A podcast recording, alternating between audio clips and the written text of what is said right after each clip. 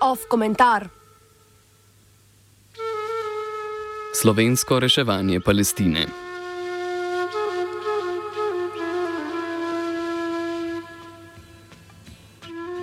V Ljubljani je včeraj potekal tretji shod za Palestino od začetka izraelskega genocidnega pohoda po Gazi.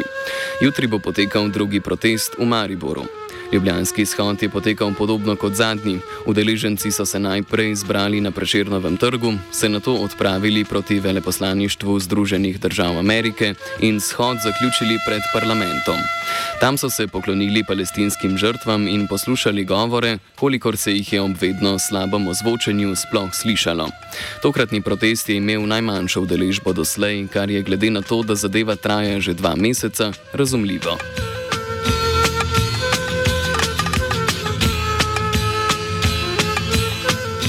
Ampak tu je še en razlog, zakaj bi protestnikom lahko zmanjkovalo zagona. En protest ne bo ničesar spremenil, sploh pa nikogar v Izraelu in Združenih državah ne zanima, kaj si mislijo ljudje v Sloveniji. Ne glede na to, kako na glas pred ameriškim veleposlaništvom upijemo, da Izrael bombardira, NATO financira, Joe Biden ne sliši. Sploh pa to ve že brez nas.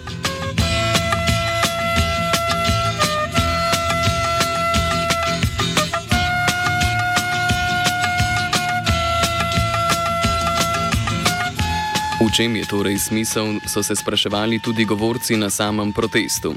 Odgovor je lahko, da poskušamo vplivati vsaj na slovensko zunanjo politiko.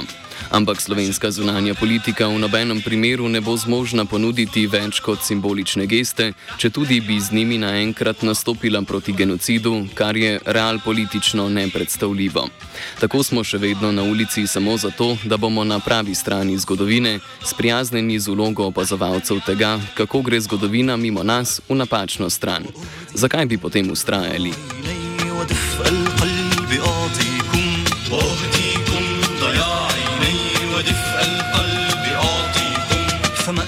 Verjetno prav zato, ker je Slovenija zunanje politično nepomembna, tukaj vlada manjša ideološka kontrola. V Združenih državah so v začetku decembra na pobudo republikanske stranke sprejeli resolucijo, ki izenačuje antisionizem z antisemitizmom. V Evropi to enako obravnavajo v Franciji, kjer so sprva prepovedali vse proteste za Palestino in kot izgovor uporabili antisemitske incidente. Vrhovno sodišče je potem sredi novembra odločilo, da se protesti lahko prepovedujejo le posamično, ne pa kategorično. V Nemčiji so začetne absolutne omejitve nekoliko sprostili, tako da zdaj protest sam po sebi ni prepovedan, vendar protestnike policija lahko pridrži za širjenje v navednicah antisemitskih sloganov in transparentov. Kaj je antisemitsko, policisti presojajo sami po lastni intuiciji, tako da protestniki nikoli ne vedo, kaj smejo in česa ne. Enkrat je problematična neposredna omemba Izraela na transparentu, drugič je preveč že to, da piše Stop apartheid. I should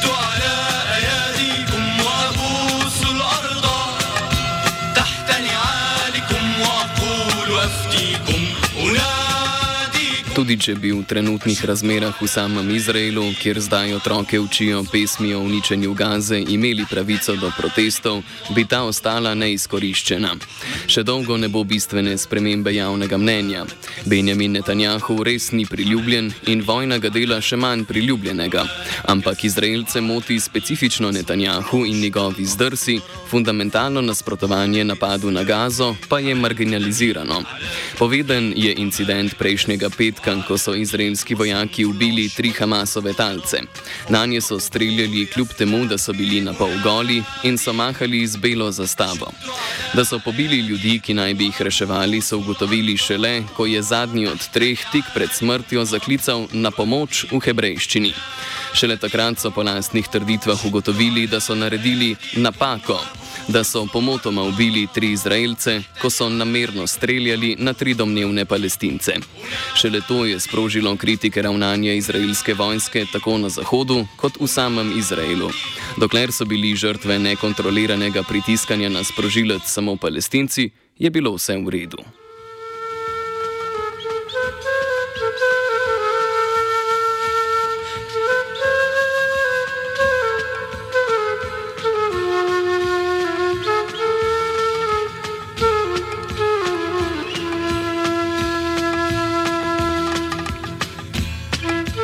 V Sloveniji je parlamentarna komisija za nadzor obveščevalnih in varnostnih služb imela v slogu drugih evropskih držav pred prvim shodom za Palestino izredno sejo zaradi varnostne ogroženosti ob morebitnih protijudovskih protestih. Ampak iz tega ni bilo nič. Protestniki so potem mirno lahko skandirali Fuck, fuck Izrael, sionisti, teroristi in From the river to the sea, Palestine will be free, ne da bi jih uradno preganjali zaradi antisemitizma. V Nemčiji ob istih sloganih posreduje policija.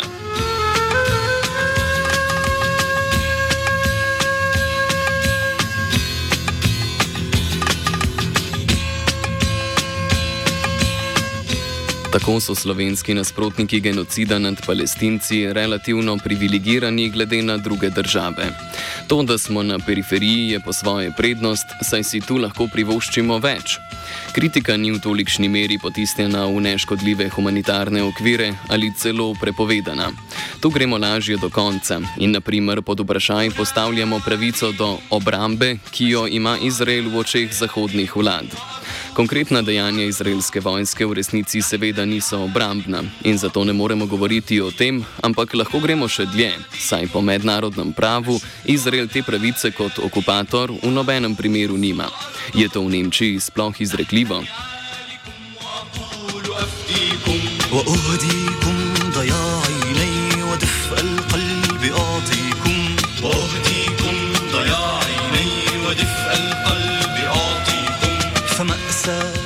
Morda se resnejša kritika prevladujočega diskurza lahko oblikuje samo na periferiji, kamor hočeš nočeš, sodi Slovenija.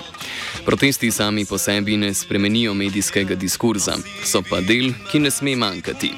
In če ne bo edina črna ovca na zahodu Irska, bodo morda tuji zgledi bolj zamajali dogme v centru. Domači kritiki Združenih držav uživajo v sklicevanju na njihovo osamljenost pri brezpogojni podpori Izraelu. Naša naloga je, da jih naredimo tudi v resnici osamljene. Tako razmišljanje zagotovo zveni utopično, to da v skrajnih situacijah se je treba oprijeti vsakega najmanjšega upanja. Izraelska vojska je od 7. oktobra v Gazi sama ubila skoraj 20 tisoč ljudi. Pri tem premišljeno ustvarja razmere, v katerih bo še mnogo več ljudi umrlo zaradi načrtnega stradanja in bolezni. Ob tem ne smemo utihniti, ko imamo kot eni redkih pravico upiti.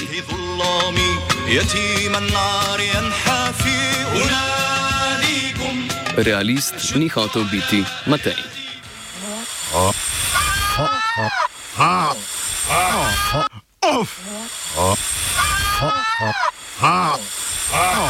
Off komentar.